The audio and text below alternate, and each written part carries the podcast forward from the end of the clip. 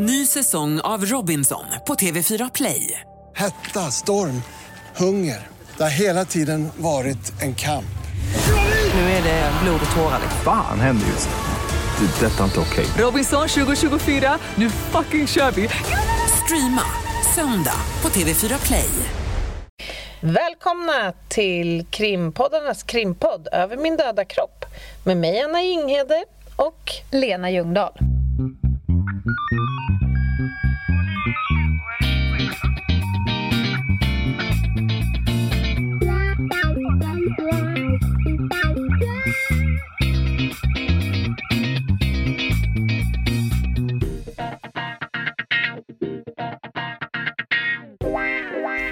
lever i en väldigt konstig tid just nu av flera skäl, inte bara coronarelaterade. Nej.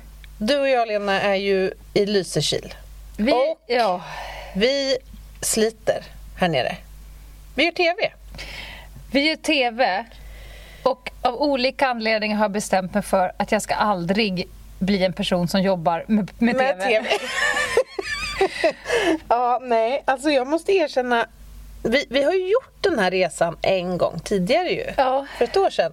Men jag upplevde det inte, alltså jag, upplevde, jag var mer nervös. Jag tyckte det var jobbigare på det sättet mentalt. Men fysiskt är jag helt trasig på kvällarna. Det Ja. är så långa pass och det är så intensivt. Det är så fruktansvärt oglamoröst. Ja, så alla ni som tror och har en föreställning om tv-branschen som glammig så vill jag genast Slu, säga sluta upp. ja, sluta tro det, för det är det då rakt inte. Till Sen- exempel Jesper är ju med varje gång man är inne på toaletten. Ja, För jag satt ju nämligen på mig hörlurarna för att lyssna på medhörning i ett förhör. Mhm. Och jag blev ju också varse att, att jag hör ju inte bara förhöret utan jag hör ju allas mickar. Ja. Så jag var ju även med dig när du var på Ja, toaletten. ja, det var det, ja. Så att jag lyssnade Ja. på dig när du var på toaletten. Nej, på Så- riktigt? Ja, ja. Samtidigt som jag lyssnade på personen som förhördes av Kristin. nej vad sjukt. Det var som att det låg ett bit av Kiss bakom Så. förhöret. Ja. Men är, det här är ändå lite intressant tycker jag, för att vi har ju fått uppmaningen att stäng inte av myggorna. Nej, för vi glömmer sätta på Ja, för det är lätt att glömma bort. Och jag har lyssnat på det här rådet. Jag har gjort ett och annat undantag när jag har känt att det har varit alldeles nödvändigt att göra. Men normalt sett inte. Är det så? Alltså, sitter de och lyssnar då? Men man- de lyssnar hela tiden. Men alltså, På det allt. är för mycket information för mig. ja, men skönt Nej, jag, är, jag är också helt, helt slut.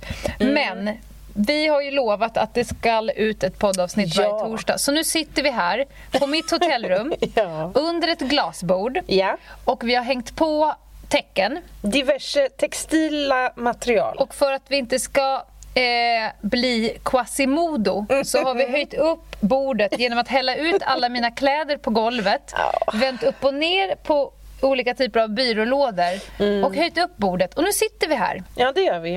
Men vi är dedikerade. Ja, och ska jag vara helt ärlig så har jag lite längtat till det här. För att det är ju ett tag sedan vi poddade nu. Vi spelade ju in två avsnitt Mm. På raken. Eh, på raken.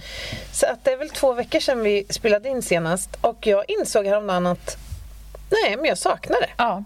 Så jag har verkligen sett fram emot det här. Men det är ju då mitt i natten. Mm. En måndag natt i Lysekil. Klockan är halv tolv när vi börjar. Ja, vi har jobbat sen typ 7-8 Ja. morse. Och eh, det är din födelsedag. Ja. Du har inte hunnit med att besvara ett enda gratulations Nej, sms inte idag. ett samtal, inte ett sms. Nej. Så att, eh, men, Men nu kör vi. podden ska ut. Nu kör vi. Okej Lena. Veckans tema, Mm. det är ett tema som ligger mig väldigt varmt om hjärtat. Mm. Eh, det här är ett ämne som jag har ägnat de senaste åren till stor del eh, att utbilda i. Jag vet ju att du har gjort det och jag måste direkt ställa frågan då. Mm. Vad var det som fick dig intresserad av det här ämnet som ju faktiskt är ganska tungt? Det är ett väldigt tungt ämne, vilket jag oftast såklart dras till. Men det var av den enkla anledningen att jag hade precis gått en lång herrans utbildning i just det här ämnet när jag lämnade polisen och kom till ett företag.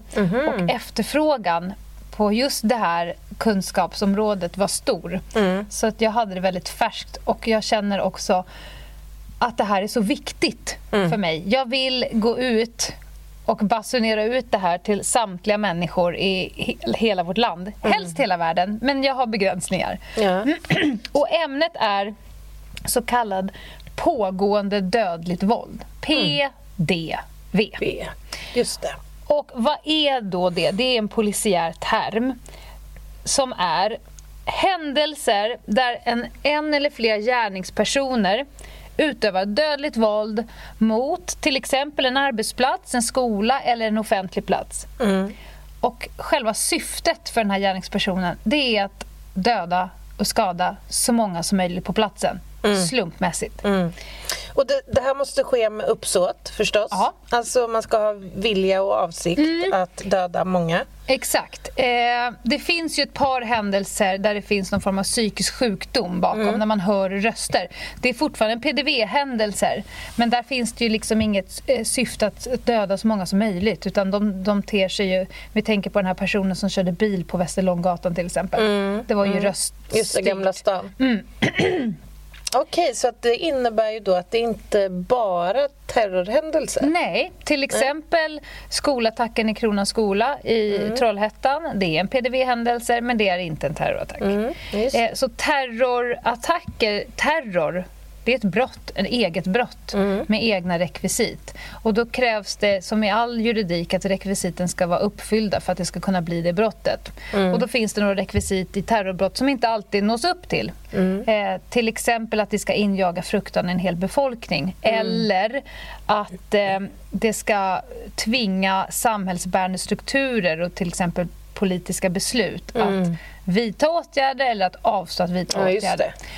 Och i till exempel skolattacken i, i Trollhättan, då blev det inte så, utan då blev det hatbrott.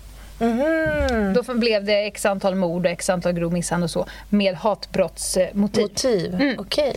Varför, Men- varför blev det så? Vet du det? Ja, de hade uppe terrorbrott på, på agendan. Ja. Men då går de helt enkelt in och ser på gärningen och så ser man att det faller på x antal rekvisit för just terrorbrottet. Men det gör ju inte att brottet inte är lika grovt. Bara Ja, just det är det. inte terrorbrott utan det är mord med hatbrottsmotiv. Och i det här fallet så var det ju han var ju ute, Anton Lundin Pettersson var ju mest ute efter de som hade utländskt eh, Ja, okej. utseende. Ja. Och då Men kan man bland- förstå Ja. hur det blev eh, hatbrott, klassificerat också. Och då tänker folk att då är det inte slumpmässigt. Jo, för bland dem så var det slumpmässigt. Han hade in, inte en personlig vendetta med en viss person utan alla som såg utländska ut. Men finns det någon, be- eh, någon eh, liksom begränsning i hur många som offer som måste Nej. liksom vara drabbade eller Nej. involverade för att Nej. man skulle prata om en PDV-händelse? Man kan se till uppsåtet. Även om det inte dör så många så är det ju fortfarande en PDV-händelse där uppsåtet är att döda många. Det kan ju helt enkelt vara att attacken tar slut på grund av att någon gör någonting.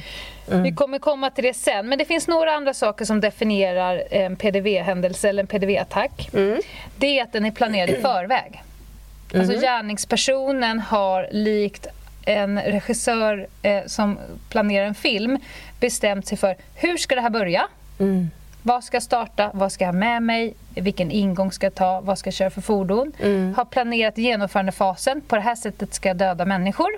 Och också planerat avslutet redan innan det börjar. Jaha. Och alla andra brott brukar avslutet vara jag ska inte åka fast. Jag ska klara mig, få pengarna eller vad det nu är. Men eh, PDV-attacker slutar nästan alltid på samma sätt. Och vad är det? Det är ju att gärningsmannen antingen tar sitt liv Yes. eller dör av eh, ja, polismans eh, våld helt enkelt. Det som kallas för suicide by cop. Ja. Man ser helt enkelt till. Och så var det i Anton Lundin Petterssons fall. Han hade till och med om det, han hade sagt eller skrivit det att jag hoppas att polisen skjuter rakt idag. Eh, så där vet man ju att han hade ju inte tänkt komma hem igen. Nej. Han hade bestämt sig från början. Och, och det leder ju in på frågan, är det här psykiskt sjuka människor? Eh, det kan det vara, men det behöver inte alls vara. Nej. Eh, så det jag kommer prata om nu i hela det här avsnittet det, det grundar sig i rätt så mycket statistik.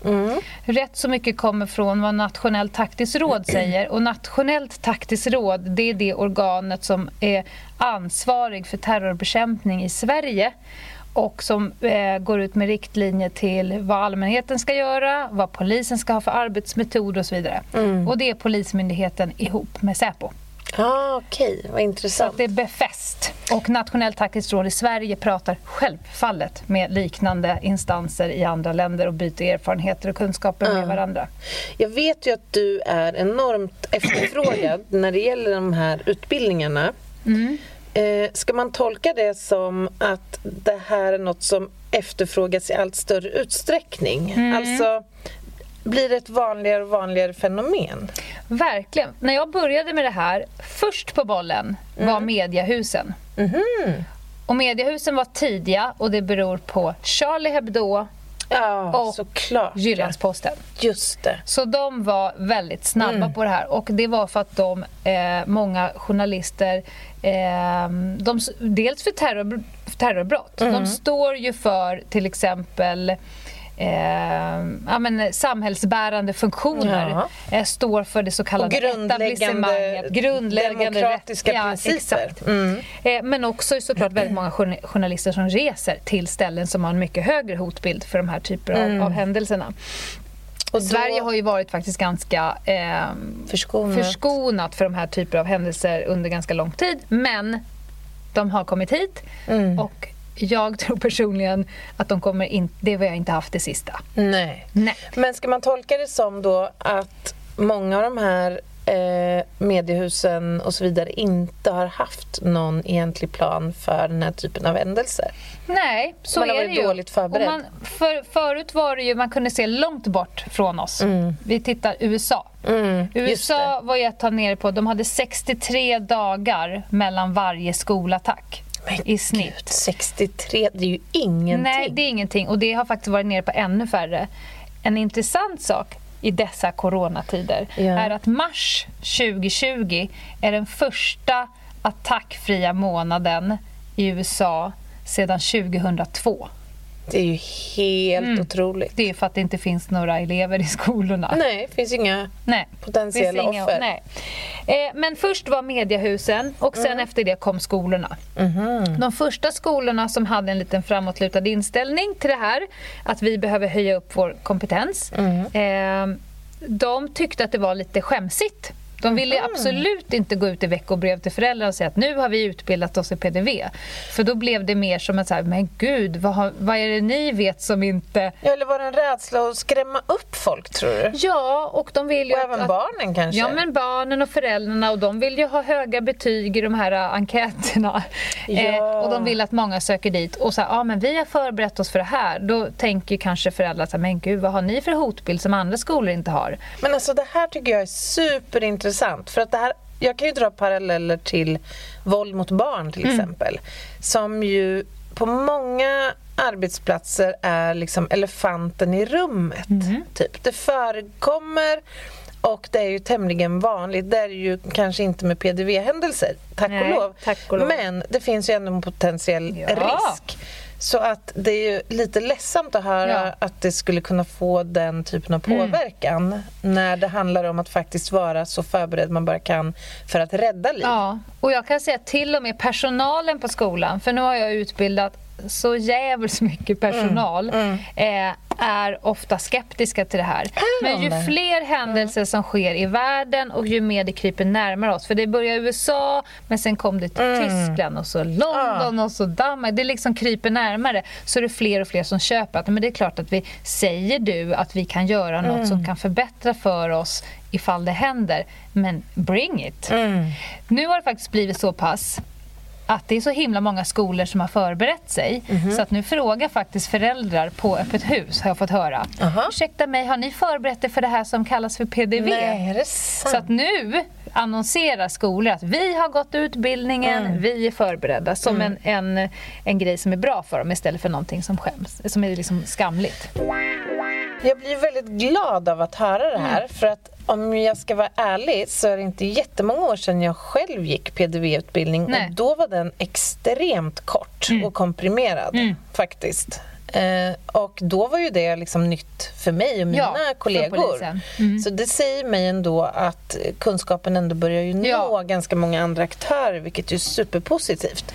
Jo men så är det och polisen skulle jag säga har kommit långt. Mm. På den tiden, under tiden jag har varit polis så har man ju gått från ingenting till, alltså Nationellt taktiskt råd började titta på det här 2008. Mm. Eh, och från 2013 börjar man utbilda personer inom Mm, polisen. Nu finns det till och med så kallat PDV-index uppe på um, när man ringer 112. Så om de plockar upp nycklar i larmsamtal som får larmoperatören att förstå att det här handlar om en PDV-attack. Då har de ett helt eget index att då ska vi jobba så här. Så polisen har en, en helt egen arbetsmetod för det här. Men du utvecklar det där. Plocka upp nycklar, Ja, alltså det finns eh, ledtrådar i ett larmsamtal som får larmoperatören som då har gått utbildning i att förstå att nu har vi att göra med en PDV-attack. Alltså det finns en person som urskillningslös är på en plats och dödar personer. I PDV-händelser så dör det i snitt fyra personer per minut. Alltså en var femtonde sekund. Det tickar på ganska många personer Ja, på kort tid. Och om vi tänker på alla andra polisiära metoder, svensk polis är ju extremt defensiv. Mm. Det är inte så jävla mycket High Chaparral när vi är ute och åker. Eh, om, vi, om vi jämför en biljakt i USA med en biljakt i Sverige så är det två helt olika Ja, ja, händelser. Men eh, om det sker en annan allvarlig händelse i en byggnad Mm. och du och jag skulle åka dit, då skulle vi tänka vi stänger av sirenerna, Mm. vi kanske eh, smyger fram, vi tar diagonalen, Mm-hmm. vi börjar knappa på våra larmapparater, vi försöker få dit bombgrupper och hundförare, piketer, nationella Mm. insatsstyrkor, förhandlare och så vidare. Och så vidare. Då ska du tänka att det dör fyra i minuten Ja. inne i huset. Och då kommer man fram till att det här duger ju inte. Nej, man hinner inte. Nej. Och då ser man att det finns en enda sak som avslutar en PDV-attack. Okej. Och det är konfrontation med gärningspersonen. Det kan hända att det finns personer på plats som känner sig pepp på den. Men det är inte särskilt roligt. Men det finns ju några exempel på det ändå, vet jag. Mm. Ja. Från USA bland annat. Ja. Skolskjutningar, va? Jajamän, och det finns också i utrymmen där man inte kommer någonstans. Vi har pendeltåg, tunnelbanor. Det. det. var några svenska poliser som var på plats i tunnelbanan. Ja. Om det inte var i New York. Just det. Där attacken avbröts ungefär samma sekund som den Ja, började. för att de kunde inte ta ivägen någonstans. Nej. Utan det är konfrontation som gäller. Ja. Så om du och jag är ute och jobbar och vi får och larmoperatören tänker så här, det här är en PDV-attack. Mm. Då kommer eh, jobbet att larmas ut på ett sånt sätt att du och jag kommer titta på varandra. Mm. Precis som de första poliserna vid Trollhättan gjorde. Mm. De sa till varandra i bilen att vi kommer nog ha ihjäl någon idag. Alltså det här är Men PDV-attack. Nu är det full fart framåt. In i den här byggnaden. Försök hitta gärningspersonen. Glöm allting annat du har lärt Mm. dig om det här. Gå inte förbi ett osökt Nej, utrymme. Precis, Utan bastaktiska principer. du öppnar egentligen dörren, Mm. lyssnar efter ljudet, tänker där borta sker dödandet, rusar dit, drar till dig uppmärksamheten och Mm. om personen inte ögonblickligen slutar döda människor så kommer ju du att behöva göra någonting. Ja. Och i det här fallet så sköt ju båda poliserna Mm. Anton samtidigt.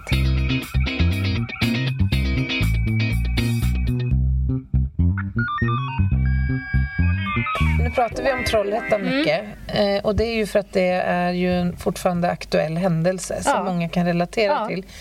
Men visste de här poliserna när de åkte ut till skolan att det faktiskt var en skolattack? Att det var en... eh, Att, ja, vad Ja, handlade de de för f- typ av case? Liksom? Ja, men de fick så pass mycket information om att det går omkring en person med svärd och, och gör vissa saker. Så de Mm. hann ju faktiskt på vägen fram på en väldigt komprimerad tid Mm. lite mentalt förbereda, förbereda sig på vad som komma skall. Otroligt ju. För konfrontation är det som avslutar en PDV-attack.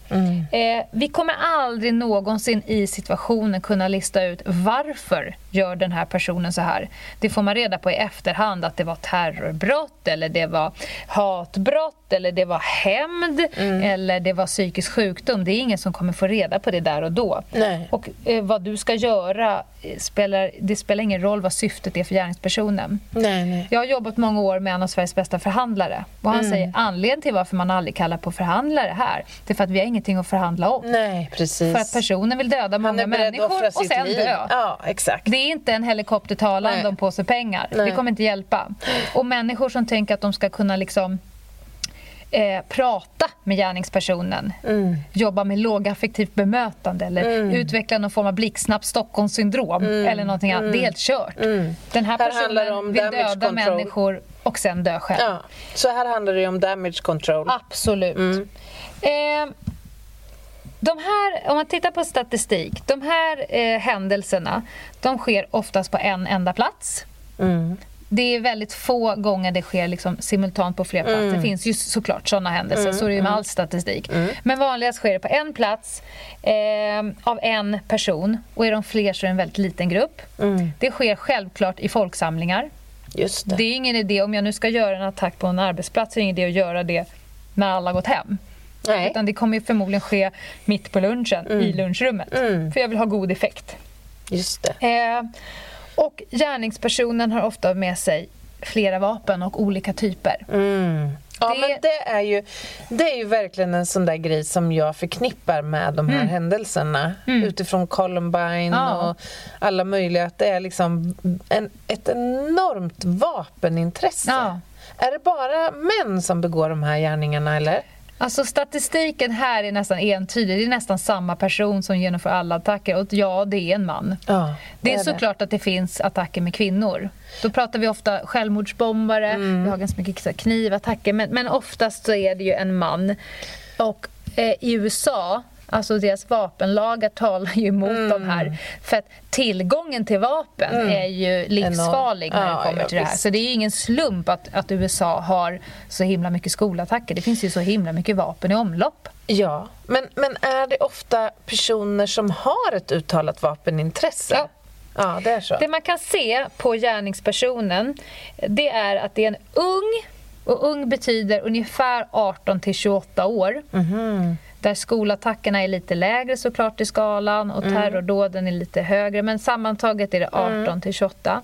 Det är en ung man som är radikaliserad. Och då tänker alla direkt religion. Ja. Men du kan vara radikaliserad på massa sätt. Ja, du kan väl vara radikaliserad av kärlek nästan? Ja.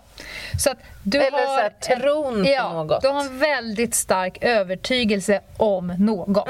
Det här är personer som saknar gråzon. Mm. Det är svart eller vitt. Och de är på nätet. Mm. De är extremt internetburna. Och de är bara i forum där folk är likasinnade. Men är det gruppen man söker? Jag tänker, om jag får vara lite så här, kanske sticka ut hakan lite Mm. eller raljant.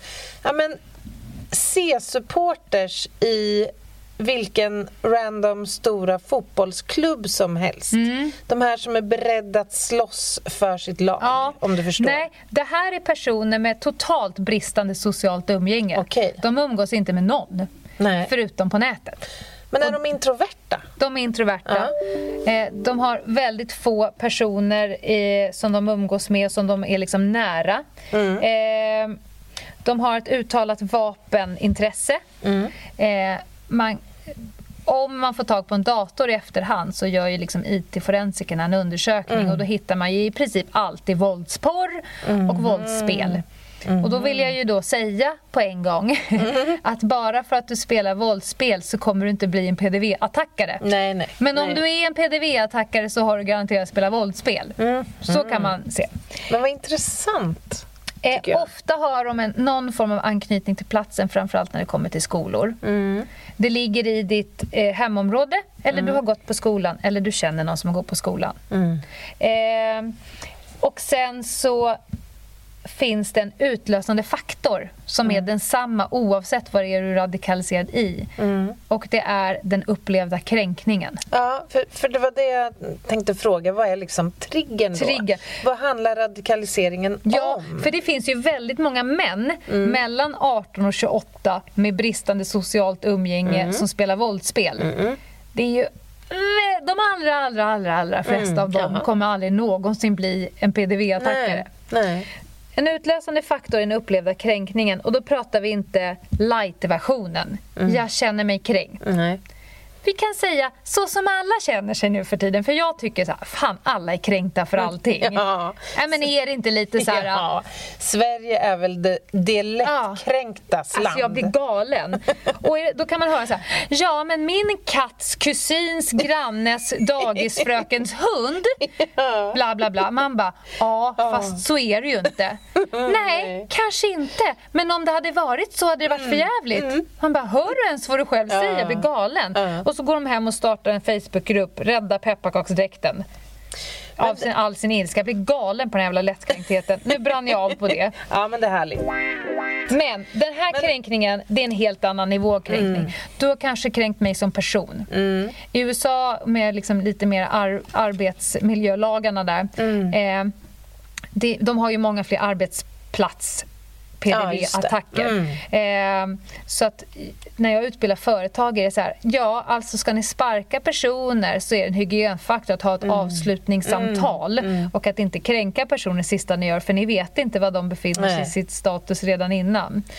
Men, men, men kan man be bekräfta i alla de här fallen att det faktiskt har funnits någon form av kränkning eller är det någonting som personen upplever? Det kan vara en upplevd kränkning. Mm. Att du har kränkt mig som person, du har kränkt min religiösa övertygelse, min politiska Mm. övertygelse eller någonting annat. Det intressanta är, och det har jag läst lite FBI-utredningar, alltså Mm. den här radikaliseringsprocessen Den är likadan oavsett din, din, liksom, det, det psykologiska, vad som sker i dig. Eh, så då, man, man brukar säga att det finns fyra steg. Ett, du upplever någon form av orättvisa Ja, mot dig som person, mot något samhällsfenomen. Det är någonting som är orättvist. När du väl har fått den hang-upen, då börjar du samla på oförrätter som passar in. Du börjar läsa nyheter som passar in i det som du redan har bestämt dig för. Du sitter liksom och hårdar Ja, på saker så du bara fattar. sitter och blir mer och mer känslan av att fan vad orättvist det är. Mm. Och sen isolerar du dig. Och det här kan gå blixtsnabbt. Det kan gå på ett par veckor. Och det måste ju späda på det här upplevda utanförskapet jätte- jättemycket. Exakt.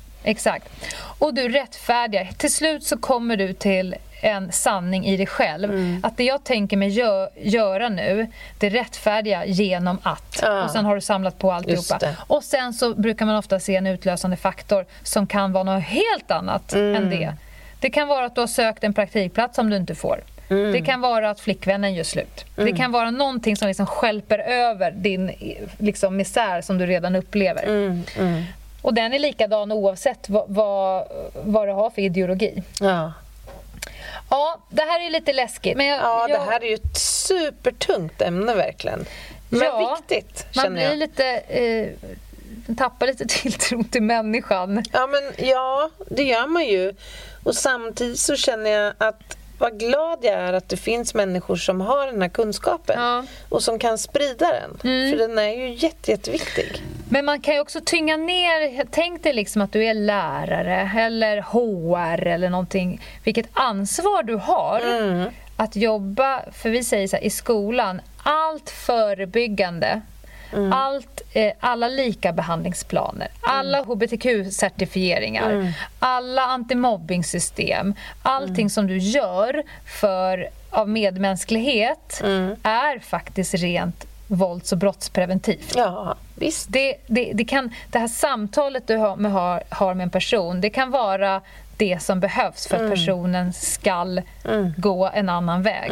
Så att ibland upplever jag så här, shit vad jag lägger mycket ansvar på den här personalen. Men jag brukar istället liksom lyfta dem, att fortsätt med det dagliga arbetet ni gör in- för personalvård. Ja, ja, men precis. Men menar du att man faktiskt kan då förebygga de här händelserna? Absolut. Mm. Absolut. Och framförallt, om du vet vad det här är för personer. Det är unga män som isolerar sig, som inte har några sociala Mm. kontakter, som är våldsfixerade. Alltså, vi vet ju vilka de är ganska tidigt skulle jag tro. Mm. ja. Och om man då Många känner så här, gånger. det, jag säger så här, ja, om ni inte har annan eh, liksom, ammunition i varför ni skulle göra det här. Mm. Det är medmänskligt, det är humant, men det är också brottspreventivt. Så gör det av alla anledningar då. Hitta en anledning som passar dig. Om inte annat så är det ju i fråga om en ung individ, en människa Ja. Mm. som sannolikt inte mår så bra.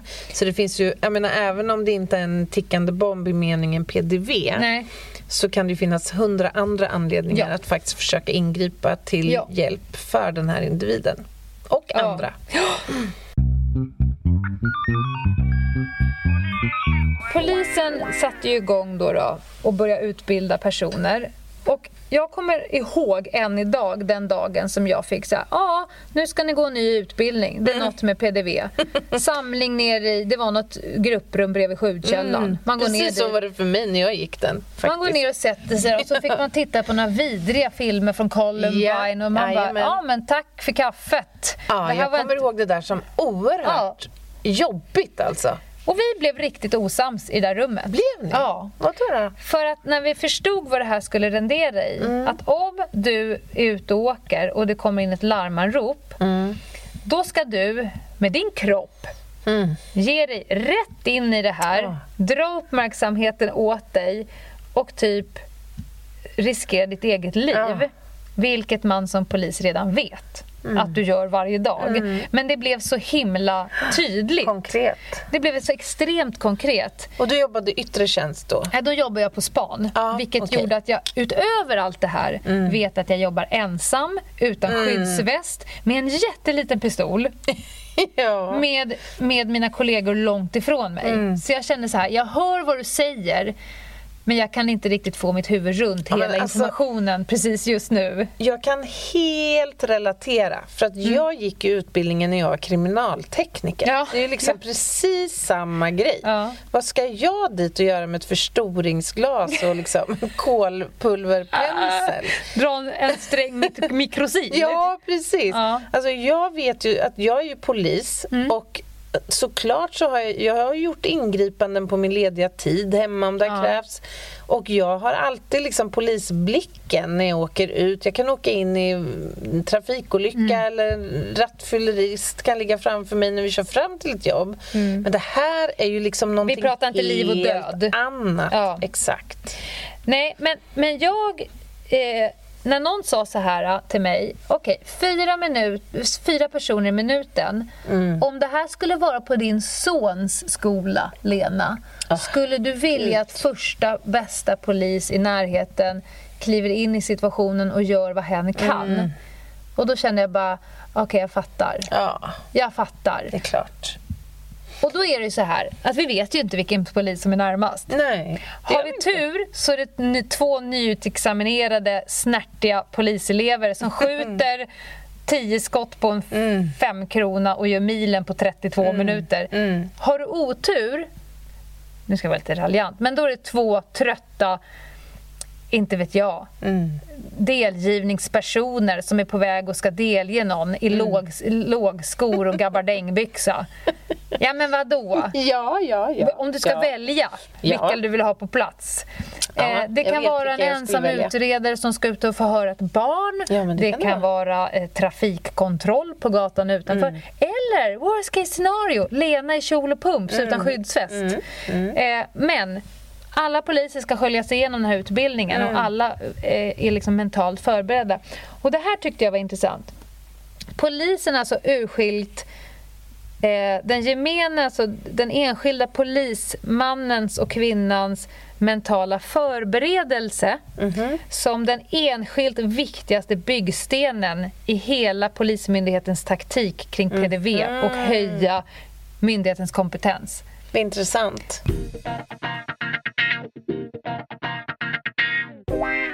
Har du hållit på med mental träning inom polisen? Alltså jag tänkte just på det när du nämnde det här att hur det ligger till med den saken bland poliser Mm. i gemen. För att man gick polisutbildningen då var det ett ganska stort fokus på det och jag jobbade ganska aktivt med det för att få ner min puls och ja, men såna här åtgärder man kan vidta på kort och på lång sikt för att vara liksom mentalt rustad inför olika typer av situationer. För min del så hade jag mycket idrotten att tacka för Ja. att kunna få min puls under kontroll även när jag var stressad och eh, liksom pulsen steg och allt där. Men tyvärr så tror jag inte det är någonting som alla jobbar med medvetet. Nej. Alltså jag tror att man kanske har etablerat någon slags gr- alltså grunder, typ man, man äter, man kissar, man, Mm. så här liksom innan man åker ut. Vilket också är en form av Ja, Mm. ja. förberedelse. Men jag tror inte så många liksom aktivt jobbar med Nej. att hålla sina stressorer och sina menta- sin mentala kapacitet i form, om du förstår vad jag menar. Ja, men det ser nog, jag tror som du, det ser väldigt olika ut. Mm. Men jag tror att myndighetens resa har ju kommit ganska långt. när Ja, jag det läser det, jag med. här, om jag jämför med när jag gick på Polishögskolan, det är alltså det är 20 år sedan. Ja. Då fick vi lägga oss på golvet i klassrummet och bara knyt vänster hand och tänk på en citron. Ja. Du vandrar ner för en trappa. Då kände jag bara, men skjut mig. Du kan, gör pinan kort nu bara. Ja, men vad handlar det om då? Nej, men mental förberedelse. Nu kommer vi komma in på ett ämne som du kan väldigt mycket om. Liksom det medicinska och kliniska. Alltså, vi har ju, det här har vi varit inne på tidigare ett avsnitt, vi har ju vår lilla kära amygdala som är vår livvakt. Den ligger liksom och pejlar efter faror hit och dit. Och den spelar oss ibland ett spratt. När man får typ röda kinder och får ökad andning av att man har för mycket räkningar. Amygdalan kan inte läsa så här, ah, fast det här är ingenting vi kan slåss emot. Men vi har ju ett system. Det var det vi fick. Eh, Ja, och det bör ju liksom betonas då att det var det vi fick för ganska länge Ja. sedan. Och Typ vi fick 40 000 år sedan. Ja, vi fick det ju i en tid när vi inte behövde hantera Nej. den här typen av hot Räkningar. och för övrigt betydligt mind, mer liksom, eh, eller vad ska jag säga, mindre allvarsamma Ja. hot. vi, vi kan ju liksom säga, det är lite byggt för att springa ifrån tigrar på savannen. Ja, Ja. Eh, men om vi nu ska ta en PDV-attack så är vi ganska nära att springa från en tiger. För det är liksom, där är någon som vill döda dig och här står du. Då är vi liksom, det är nu vi kan utnyttja det här systemet precis som det var tänkt. Och då säger amygdala att det här är skitfarligt. Och då brukar jag särskilja, det händer massa saker från nyckelbenen och ner. Eh, och, som är superfiffiga. Blod omfördelas ju. Man, blir, man brukar säga cold feet. Ja, allt blod liksom omfördelas. Det ska eh, syresätta eh, hjärta och lungor och stora muskelgrupper. jag ska förbereda dig för aktion. Ja, du ska vara maximalt beredd på strid ifall tigern hinner ikapp. Ja. Du kanske till och med kissar och bajsar på dig. Har du varit med om någon gärningsperson som har gjort det vid ett gripande? Ja, det har jag faktiskt. Och ofta har det ju varit när gärningspersonen har varit extremt, ja, nu uttrycker jag mig medicinskt, exciterad. Alltså det har varit en riktig kamp. Sådär. Eh, det har jag sett. Deras Ja. amygdala skriker, du dör snart. Mm, är det där det handlar om? Ja. Alltså, man tänker så här att om du nu ska springa ifrån den här tigern på savannen så är ju våra kroppar så in i helvetes fiffiga. Så den tänker, bort med allting som du inte behöver. Töm systemet. Det kan vara ett par deciliter eller Fekalier. fekalier. Ut med skiten! Ja, bokstavligen. bokstavligen! Ut med skiten! Vi ska vara lätta och lediga. Det här. Och det är ingen idé att spara på det här utan töm ut men, alltihopa. och det, det, är är ju superfiffigt. inte mer dramatiskt än att man kan jämföra det med att du ska hålla ett stort föredrag och du avskyr att prata inför Ja. folk och du känner att du behöver gå på muggen Ja, det är 53 exakt samma gånger. Det är liksom en light-version men det är ändå samma Ja. system som påverkar dig. Sen är det en massa andra fiffiga saker. Då tänker kroppen, här måste vi jobba med syre. Så att eh, omkretsen på strupen vidgas för att du ska kunna dra ner mer syre.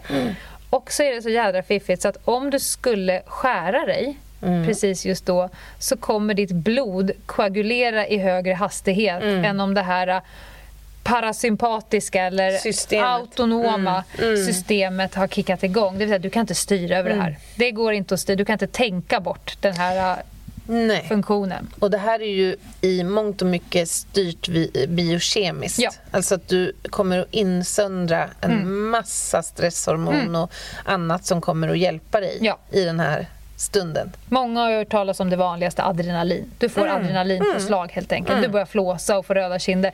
Jag utsätter de här utbildade för lite, lite tester eller vad man säger. Och då säger jag så här, men nu har ni sprungit ungefär 8 meter.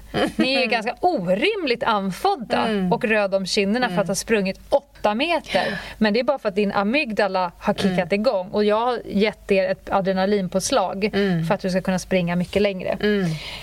Men i hjärnan då, då för syret omfördelas i kroppen, men i hjärnan så är det ju så att syretillförseln stryps i frontalloben. För jätte, jätte, jättelänge sedan så behövde vi inte jobba med liksom, rationellt tänkande och perception och sånt där, utan då var det ner på lägsta nivån. Så att alla har nog känt på någon gång att när man blir utsatt för någonting ganska plötsligt som man inte är förberedd på så blir man lite dum i huvudet i stunden. Ja, ja, gud. Ja. Typ om någon idiot kommer och skäller på en. ja. Och man bara... Man finner sig inte. Man fryser Ja. eller sådär. Och sen när det här äh, människan har gått ifrån, man bara, vad fan sa Ja, jag inte det här för? Sa inte det här för? Och det är av den enkla anledningen att syret släpps på igen Mm. och du får helt enkelt tillgång till allting smart och fiffigt. Ja, och jag tänker också att det här är situationer som man kanske inte tränar så ofta. Egentligen. Nej. Alltså, I alla fall inte de här där du hamnar i det här yttersta, Nej, eh, inför den yttersta faran. Liksom. Nej. Vilket ju i sammanhanget är en nackdel. Ja. För att det handlar ju också om erfarenhetsmässiga beteenden. Ja, så är det ju. Liksom. har man inte, ju fler gånger man känner på det Mm. här påslaget desto mer blir man ju sams med sina egna tankar Mm. och nu kommer det här hända. Nu förstår jag att jag får tunnelseende, Mm. min finmotorik ryker, men det är ingen fara. Jag kommer... Men ju mer du stressar upp dig över det desto mer sådana hormoner kommer utsöndras. Det blir en, ond spiral. Men för att ingjuta lite hopp då när jag utbildar det här så säger jag att det finns en plats i hjärnan där allt syre befinner sig just nu. Det är inte där fram, utan det är i det så kallade minnesarkivet. Så att sånt som du har övat på, om du tänker när du övningskörde, Ja, just det. då Ja. var det så här, nu kopplar jag. Och nu, Det var liksom en väldigt medveten Mm. rörelse. Men jag vet inte hur ofta du funderar på kopplingsfoten nu för tiden när du Nej, kör bil. det gör man du kanske inte. har automat. Ja, nu har jag Ja. automat, men jag förstår principen. Och det gäller ju många, eller det gäller Mm. ju allt egentligen. Och även om du skulle bli skitstressad Mm. så hade din kopplingsfot gjort vad den ska. Eh, och då kan man tänka på alla saker som man själv automatiserar. Mm. Eh, det sitter där även när du stressar. Och då är det så fiffigt att det som är lagrat i minnesarkivet, det vill säga det du har funderat på, det du har tränat på, det du har diskuterat Mm. och det du har förberett dig för. Det lagras på ett ställe som inte är ehm, stresskänsligt. Det vill säga, du har tillgång till det arkivet Mm. Det. även när det skiter sig. Så ju viktigare det är, desto mer bör du träna på det. Ja. Det är därför poliser övar på att skjuta. Det är Ja, därför fallskärmshoppare övar på att dra reservskärmen. Ja. För att när det skiter sig och amygdala slår till så kan du inte förlita dig på att jag, jag kommer nog komma på något jävligt fiffigt i stunden. Nej, precis. Nu är det så här att amygdala litar inte riktigt på oss. Att vi ska förbereda oss. Så då är det så här, amygdala väntar. Okej, jag chillar, tänker amygdala. Jag, fun- jag väntar på vad du får för svar från minnesarkivet. Alltså vad har du bestämt dig för att göra vid den här givna situationen? Om det blir tyst, amygdala tänker så här, du jobbar inte med så mycket nu här. Det händer inte så mycket. Då kan man säga att lilla amygdala tar fram den lilla tombolan. Ja. För den tänker, vi måste ändå som art försöka överleva här nu. Mm, Och där finns det kamp, det finns flykt och det finns det här tråkiga handlingsförlamade eller Mm. Ja, frozen fright. Frysläget. Ja, som inte hjälper vid en PDV-attack. Nu tar jag fram mitt stränga finger igen. Mm. Ni som tänker att om någonting sånt här händer, då spelar jag död. Mm. Då vill jag säga så här, rent statistiskt så finns det absolut personer som har överlevt på grund av den metoden. Mm. Men det finns jättemånga fler som har dött på grund av den metoden. Mm. Okej. För du överlämnar all makt åt personen, gärningspersonen. Mm. Har, det är inte så svårt att döda en person som inte gör någonting. Nej. Som varken ränner därifrån eller försöker gömma sig så att du inte ser mig eller försöker Mm. gömma sig så att du inte kommer åt mig eller försöker distrahera så att jag inte kan döda Mm. dig. Så att det här med att spela död-funktionen den är helt värdelös. Ni som tänker att ni ska välja den. Mm. Sen kan det faktiskt fortfarande bli så att om amygdala slår till och tar fram tombolan då kan det bli frislägen då. Och då är det så. Det är inget ja, men val. Alltså det där, precis. Kära det nämndemän, det är inget val. Precis. Man kan inte styra över sin kropp och sina liksom... Eh, ja, Inte när det har kommit till den punkten. när du väl Nej, har klivit över den där Exakt. point of no return. Då får du se vad liksom tombolan ger dig. Exakt. Lite så. Men vad ska man göra då Ja, men- om man har förmåga att liksom ändå agera? Ja, för det jag vill säga är om du har mentalt förberett dig, Mm. det vill säga det finns svar i minnesarkivet, det finns nycklar att jobba med, då kommer ju inte tombolan komma fram. Nej. Så vi kan inte garantera att du inte fryser till is, men vi kan garantera att tombolan kommer inte komma fram om det finns svar att jobba med. Så länge det finns svar så kommer eh, kroppen hellre jobba med dem. Eh, så man kan för mentalt förbereda sig. Man kan dels skaffa sig kunskap genom vilka tider och platser och situationer är det liksom större risk. Eh, befinner man sig på folksamlingar, om man åker i världen nu så kan man se liksom på signifikanta platser, jag tänker Times Square, nära Eiffeltornet och så vidare, så kan man ofta se tungt beväpnad polis. Just det. Och då tänker man, oj oj oj, vad har hänt här? Ingenting. Men de har kunskapen om att om det händer någonting här, Så ska de kunna... då är det konfrontation som Just avbryter det. Och då har vi inte tid att det ska komma du, du, du, Nej. 40 minuter därifrån. Nej. Utan det ska helt enkelt finna poliser på plats som kan stoppa alltihopa på en gång. Eh, då finns det lite basic basic. Jag vill att man jobbar med sin mentala förberedelse. Gärna på de platser man ofta befinner sig så gynnas man av att veta vad är mina invägar och utvägar, utrymningsvägar. Eh, Är du en sån där som när du kommer till hotellet i Lysekil Mm. kollar var utrymningsvägar finns? ja. Ja. Mm. Jag med. Jag vill gärna ha minst två. Mm. Och då är det ju inte bara för PDV-attack såklart. Nej, jag vill såklart ha det utifrån brand, jag vill ha det utifrån sjukdomsfall, jag vill ha det utifrån... Jag vet inte vad man kan spela upp för scenario, men jag vet att jag kommer aldrig göra det i onödan. Nej. Det, Nej, jag kommer inte på något sätt att drabbas som person för att jag ägnade i runda slänga 30 sekunder åt att kolla vad mina Nej. utrymningsvägar är. Hur högt är jag? Kan jag hoppa? Mm. Vad är det för fönster? Går det att ta sig igenom? Mm. Det tar mig 30 sekunder. Jag brukar fråga personer när jag utbildar dem så här. Om ni kommer till ett hotell på er semester, Mm. Vad vidtar ni för åtgärder? Och då ser folk ut som att shit, jag borde nog säga något. Vad är rätt svar på den här frågan? Jag kollar minibaren och havsutsikt. Jag gör mig en gin och tonic. Ja, exakt. Jag gör också mig en gin och tonic och jag kollar också havsutsikt. Men jag tar också reda på var ska jag ta vägen om något händer. Sen går jag ner till poolen eller vad det nu är, passar ungar. Och då har ju risken att någonting ska hända har ju ökat med exakt 0%. Mm. Det är inte större risk att det ska brinna för att jag köper en brandsläcksjävel. Eller fundera på hur jag ska använda den. Eh, däremot, om jag skulle vakna mitt i natten av att brandlarmet går och det är rökfyllt så kommer jag vara först ut. Med barnet under armen. Det är det som kommer hända. Ingenting annat. Och då tänker folk så här, åh du är konspiratorisk, paranoid och galen. Ja, men nej. jag har varit med om för mycket och jag har en kunskap. Till den kopplar jag en attityd och utifrån det väljer jag ett beteende. Det är inte svårare än så. Ibland så notchar jag upp den lite till beroende på situation och ibland så låter jag nästan det hela sova Ja. i någon form av risk och konsekvensanalys. Men handlar inte det där mycket om människors egna liksom, emotioner och rädslor?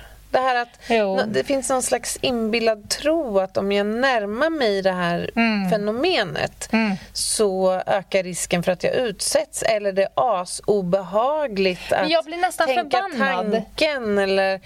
Ja, Ja, men jag, jag, men, jag med. Men, personer som vill gå HLR-utbildning efter ja, att någon i deras umgängeskrets har fått en hjärtinfarkt. ja.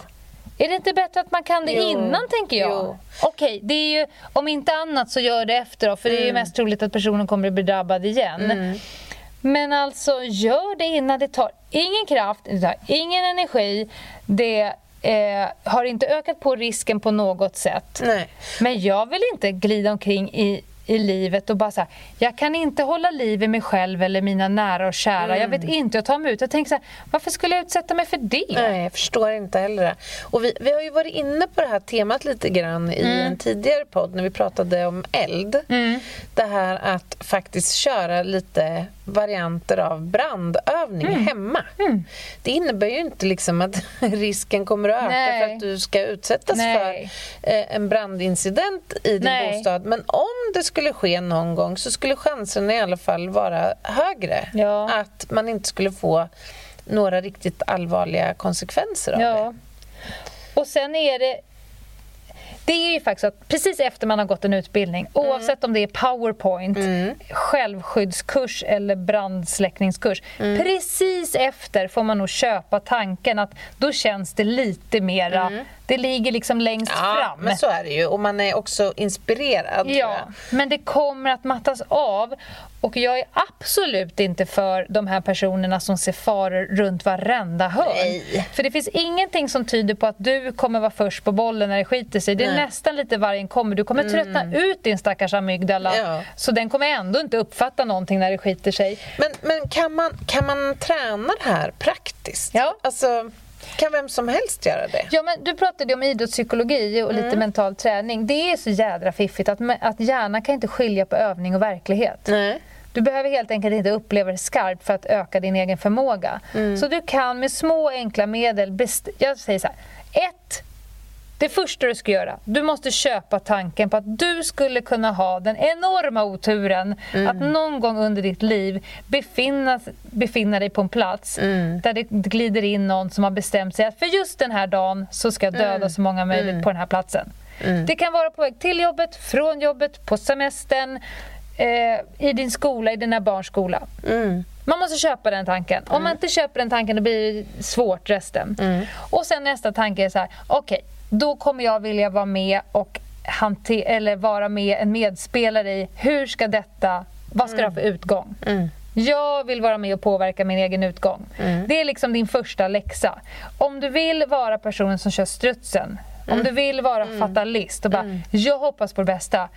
Eller om du vill vara Då får du jobba som- mer med tombolan. Ja, eller om du vill vara den som tror att du ska kunna hantera de här situationerna utan att Mm. Ja. ha liksom, praktiskt och eh, teoretiskt tänk Ja. kring det hela. Så Det tror- finns faktiskt en studie som FBI har gjort tillsammans med fransk polis Mhm. som visar på att om du är mentalt förberedd för att bli Mm. utsatt för något väldigt hotfullt om du då blir det då kommer du basera utgången till 75% på din mentala förberedelse Mm. och 5% på tur. Det är alltså 5% risk att det är tombolan som avgör hur det kommer gå. Mm. Du baserar alltihopa på din egen mentala förberedelse. Och sen så resten av procenten är lite fysisk status om du har liksom lite skills. Och slumpen, Ja. tänker jag. Om du är inte mentalt förberedd, om du helt enkelt har kört strutsen Mm. gällande Ja, det kan vara överfallsvåldtäkt, det kan vara brand, det kan vara eh, PDV-attack. Då vänder du på siffrorna. Är du helt oförberedd, då är det 75% risk att det är tombolan som avgör. Det kan fortfarande gå bra, för där finns ju kamp och flykt som två av tre. Men det är 5% som du baserar på din mentala förberedelse eftersom du inte har någon. Frontalloben dör, det är tomt i minnesarkivet. Varsågod tombola, nu får du avgöra hur det här ska gå. Ah. Och för mig blir det så himla tydligt. Vill du vara med och påverka eller vill du inte vara med och påverka? Jag gillar ju makt. Jag gör ju det, över mig själv. Ja. Jag vill fan inte att det liksom ska vara någon slump som avgör huruvida Nej. jag kommer hem från resan eller arbetsplatsen. Nej. Det verkar super, super korkat. Jag håller med. Svensk polis har ju gått ut med rekommendationer som är ett, Fly. Fly ligger oss nära till hands som människa. Det, ligger, det är ju i vår, till och med i vår tombola. Mm. Och det här är ju då om du inte är polis, antar jag. Exakt, alla. Ja. Ja, även polis om det är någonting farligt. Inte PDV-attack, men i Nej. övriga fall. Ja. Är det någonting, är du på väg hem från ditt jobb? Fly, Ja, är, en bra, så. Mm. fly är en bra go-to.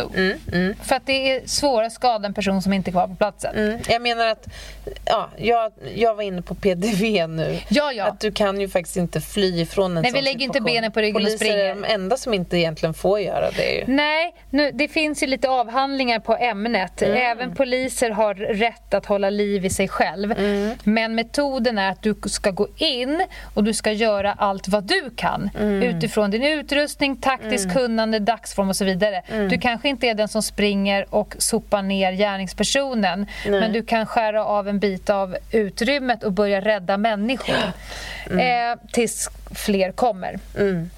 Men för alla andra då? Att fly från platsen. Mm. Fly snabbt, ta ett tidigt, tidigt beslut. Och det har man också sett i de här studierna att ju, ju fler personer på platsen som har en förmåga att ta ett beslut Mm. och börja röra på sig trots att man har ingen information, allt Mm. är kaos, fullständig tidsbrist, men ändå att du gör någonting, desto bättre. Jag minns när man gick på Polishögskolan Mm. och fick träna lite så här light-varianter av liksom plötsligt uppkomna farliga situationer. Mm. När man sen utvärderade, alltså man, man kunde snabbt konstatera att vi hanterade de här situationerna väldigt olika ju. Mm. Eh, men när man utvärderade de här situationerna efteråt så var ju den faktor som ofta liksom omnämndes hos de flesta, det var ju kän- alltså den, det största hotet upplevde ju de flesta var ju känslan att inte ha kontroll. Ja, Och det här handlar ju om att skaffa sig kontroll på något sätt i någon mening. ja. Det är ju att faktiskt förbereda sig för vad som komma skall.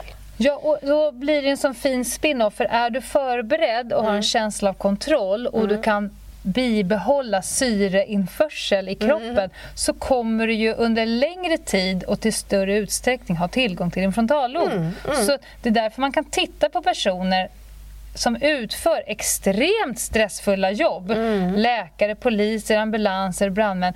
Det är för att de har inte en sån hög stressnivå. Det vill Mm. säga de har tillgång till allt rationellt och allt förnuftigt och allt eh, liksom kognitivt och Mm. perceptionellt.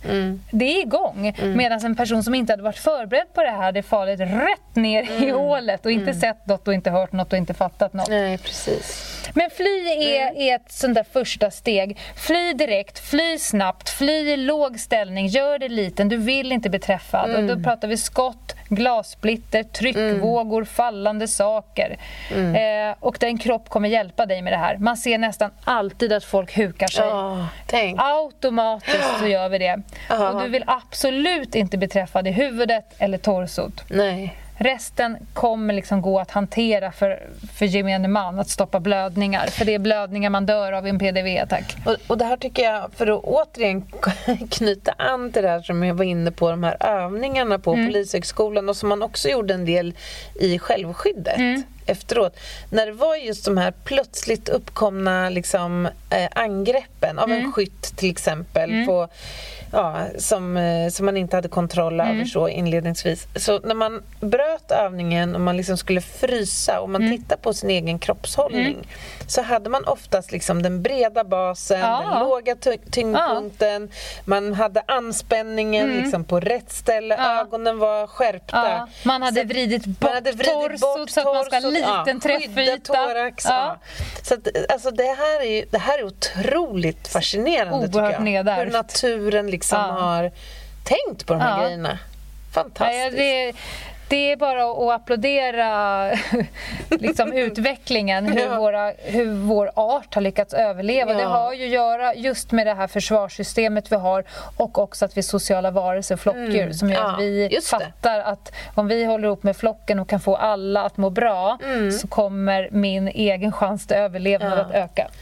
Nästa steg som polisen, deras rekommendationer, det är att gömma sig. Mhm. Mm. finns egentligen ingen rangordning tycker jag. För ibland är det ju bäst att fly, ibland är det bäst att gömma sig. Det beror lite på hur miljön ser ut. Är du på plan 23 skulle inte jag hoppa över balkongräcket det första jag gör. Nej. Eh, jag kanske inte flyr neråt om gärningspersonen är nedanför mig så då kanske det blir gömma sig. Kanske jobba sig ännu längre upp. In i något utrymme, kanske stänga dörrar, låsa, barrikadera sig. Liksom, för det du vill göra, du vill ju tjäna tid. Och det är inte så tidigt att de allra flesta PDV-attacker är över inom en kvart. Och det kommer absolut vara ditt livs längsta kvart. Men kan du köpa dig tid, kan du göra att gärningspersonen eh, går vidare? För vi ser ingenting som tyder på att någon skulle ha med sig något brytverktyg. Nej, jag menar, ska jag. Mm. döda väldigt många människor på kort stund kommer jag inte ägna värdefulla sekunder stå och bryta Nej. upp en toalett för att döda dig. Och det här är ju också knutet, om man knyter det till liksom, eh, bastaktiska Mm. liksom, polisiära principer så handlar ju det här om att lägga på processer Yes. Mm. på en gärningsperson. Försvåra för gärningspersonen. Typiskt snututtryck. Ja, men- Lägg ja, processer ja, på men gärning. visst är Men det är ju det. precis Men det är ju det det handlar om faktiskt. Det ska bli svårt för dig och lätt för mig. Mm. Du kan släcka lampan, du kan flytta på dig. Mm. Jag menar, det är såklart att du hellre står bakom ett betongfundament än en tunn gardin eller Mm. en fucking Benjamin Fikus. Men om du inte har någonting annat så är det mycket bättre att stå bakom en Benjamin Fikus än ingenting alls för personen kanske inte ser dig. Mm. Om inte annat, precis, om inte annat så håller du idol. Det finns faktiskt personer som överlevde på Bataclan Mm. som stod bredvid scenen Mhm. i ett prång av mörker. Det fanns alltså ingenting mellan dem och gärningspersonerna än ett kompakt mörker. Ah. Men det var mörkt som gjorde att de överlevde. För de Otroligt. såg dem helt enkelt inte så att de sköt inte dit. Vilken skräck. Skräck! Upplevelse. Frågan om man har andats Ah. någonting på den perioden. Ja, exakt. Och sen vill jag också säga att det är mycket mindre sannolikt att man bara ställer sig hysteriskt och skriker som på film. Det ser man inte på de här filmerna. Jag, jag har spenderat en ohälsosamt lång tid av mitt Mm. liv att sitta och analysera övervakningsfilmer Mm. från skarpa PDV-händelser försöka förstå vad människan gör. Och det här hysteriska bara stå och skrika, det är extremt ovanligt. Ja, det är det. Och sen vill jag också säga när det kommer till så här, hur mycket ska man hjälpa andra? Mm. Det kommer vi att göra. Så länge vi kan Mm. så ser vi att människor är fantastiska på att släpa, hjälpas Mm. åt, hjälpas åt med skador, hjälpas åt att bygga barrikader och så vidare. Men jag vill faktiskt skicka med människor att i frontalloben sitter faktiskt också empatin. Den försvinner, du blir inte lika charmig som du Mm. Nej. tror. Nej. Och, och det här har jag haft så många duster med skolpersonal, Mm. att när det står mellan liv och död, alltså när, det, när Mm. din amygdala säger om du inte gör någonting nu så kommer du dö, då kommer du hantera dig själv och dina avkommor. Mm. Och ingen annan gör sig besvär i din prioriteringsordning. Nej. Sen drar du. Och, och det där har jag hört från ett antal människor som jag har pratat med, bland annat tsunamiöverlevare. Som beskriver just det, att jag hade inte en chans att tänka eller fundera på någonting annat än att liksom försöka överleva själv. Eh, och det är ju fullt begripligt men det leder ju också till en enorm överlevnadsskuld naturligtvis. Ja. Så är det ju. Men som sagt, återigen knutet till de liksom väldigt primitiva mekanismer vi har att luta oss mot så är det så vi fungerar och det får vi bara liksom acceptera. Ja, och du kan inte hjälpa någon annan om Nej. du är död. Nej, nej. Det är faktiskt så krasst. Mm. Så att, eh, Jag brukar säga det, jag brukar peka på någon ganska långt fram när jag föreläser. Så här, Mm. Om det börjar skjutas här utanför nu, hur lång tid tycker ni nu att jag ska ägna mig åt att försöka få med den här personen som Mm. uppenbarligen har frysit fast i stolen? Och då säger ja men en minut, kanske tre sekunder och så vidare. Mm. Ja men det beror ju på hur mycket min amygdala avgör att jag kan vara kvar. Mm. Men om det börjar närma sig, ja då kommer jag att dra. Mm. Jag kommer kanske försöka slita, göra några försök, men sen kommer jag dra. Mm. Jag måste överleva själv, jag måste hem till mina barn. Så, så säger jag, ska vi byta ut den här personen? Vi sätter min son på stolen här. Mm. Hur lång tid tror ni att jag kommer ägna åt att försöka få med mig den här personen? Mest troligt så kommer jag antingen att bära ut honom och stolen eller så kommer vi dö, båda dö på platsen. Så att det beror ju faktiskt på vad man har för relation. Det Ja. låter lite hemskt men det Ja, är rent krasst det- så är det så. Ja, och återigen, det är bara att acceptera att det är så. Vi Det är som min man det. som överlevde den här flygolyckan. Han råkade ju få med sig, han råkade nästan sparka Ja, ut en annan det. person ur planet som överlevde. Ja. Men han säger ju helt ärligt, jag hade ingen som helst Tanke på tanke den. på det. Jag hade bara en tanke på att ta mig ut. Jag hade ing- och då är det- var det liksom några av hans bästa vänner. Det fanns ingenting heroiskt i det. Jag skulle Nej. bara ut, ut, ut själv. Ah. Och sen råkade jag kicka Ah. ut henne ur planet. Men det har han liksom, jag har ingen som helst liksom, mental medvetenhet med det. Alltså det här ämnet, tiden går jättefort. Ja. Mm. Vi har pratat över en timme nu om ett otroligt intressant ämne.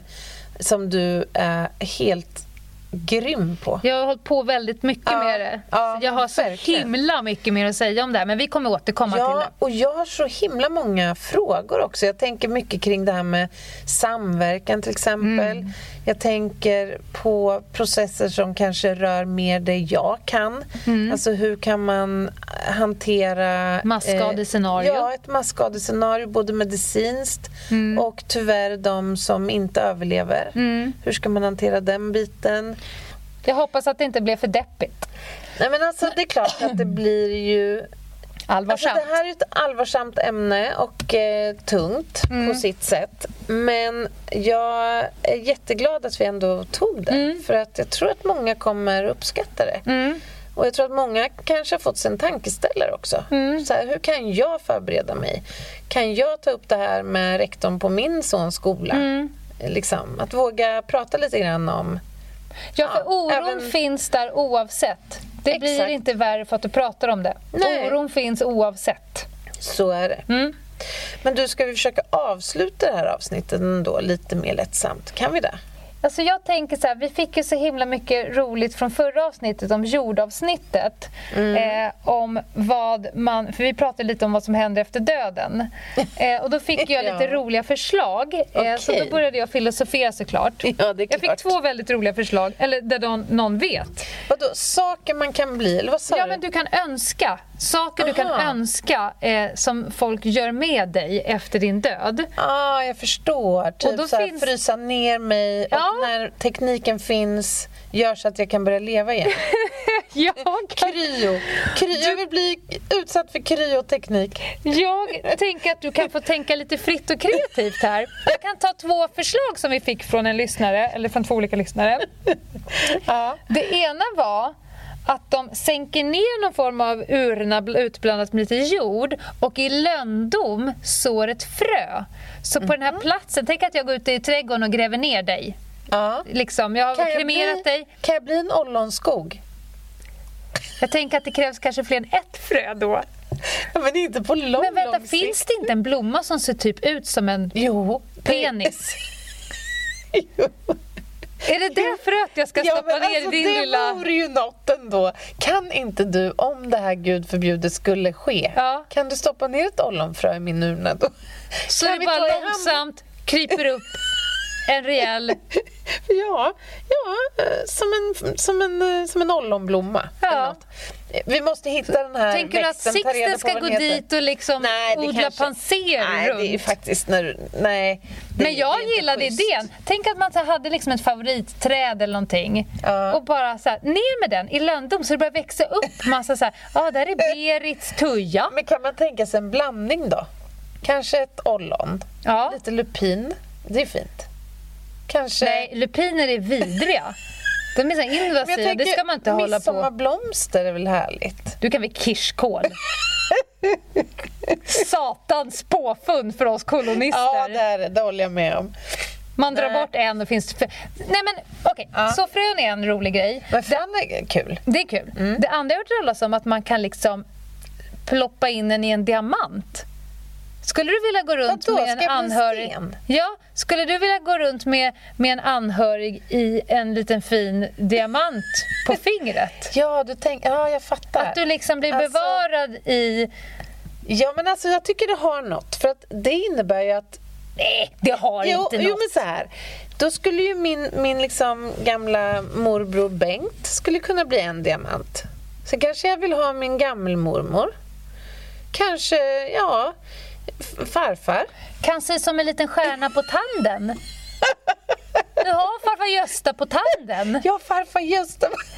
Ja, men varför inte ändå? okej, nu jag avslutar så här. Om du får välja ett föremål som du ska bli efter, efter din död. Ja. Ett bruksföremål. ja, det måste ju vara något praktiskt, tänker jag. Ett baksäte. Ja, men alltså... Lypsyl. Säg ett bruksföremål som du känner att det här är signifikant för mig. Det här vill jag bli mitt nästa liv.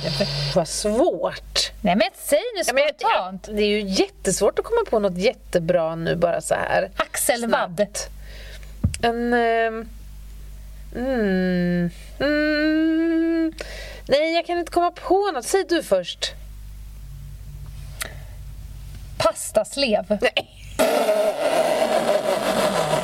Jag fick panik. Åh gud. Vi hörs om en vecka. Vi hörs om en vecka. Ha, Kika Det var in bra, på Linnea. Instagram. Ja. Ljungdahl och Ginghede. Eller mejla oss på ljungdahlochginghede.gmail.com och kanske tipsa oss om ja, vilket bruksföremål skulle du vilja bli efter din död? Hej då! hej då.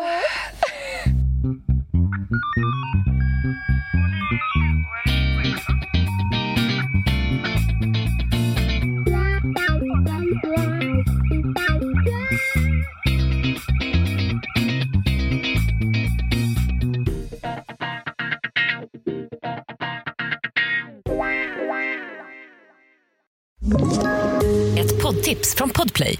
I podden Något Kaiko garanterar östgötarna Brutti och jag, Davva, dig en stor dos skratt. Där följer jag pladask för köttätandet igen. Man är lite som en jävla vampyr. Man har fått lite blodsmak och då måste man ha mer.